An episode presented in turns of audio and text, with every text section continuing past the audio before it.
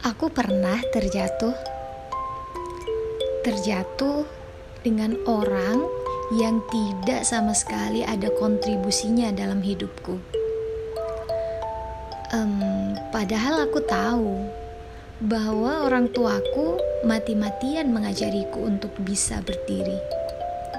Ya, orang itu adalah orang yang aku pun tidak tahu sejak kapan Tuhan menitipkan anugerah ini.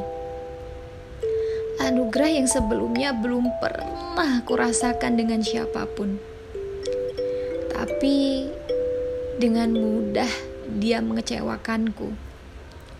Seolah-olah aku tidak pernah ada. Dikecewakan dengan orang yang kita cintai adalah mimpi buruk bagi setiap insan.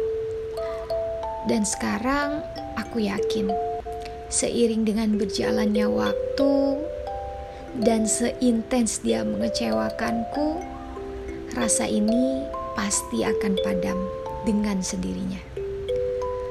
Aku cuma mau bilang, terima kasih ya sudah mengajariku untuk menjadi insan yang lebih kuat. Dan terima kasih sudah mengajariku arti pahitnya kehidupan. 8 Februari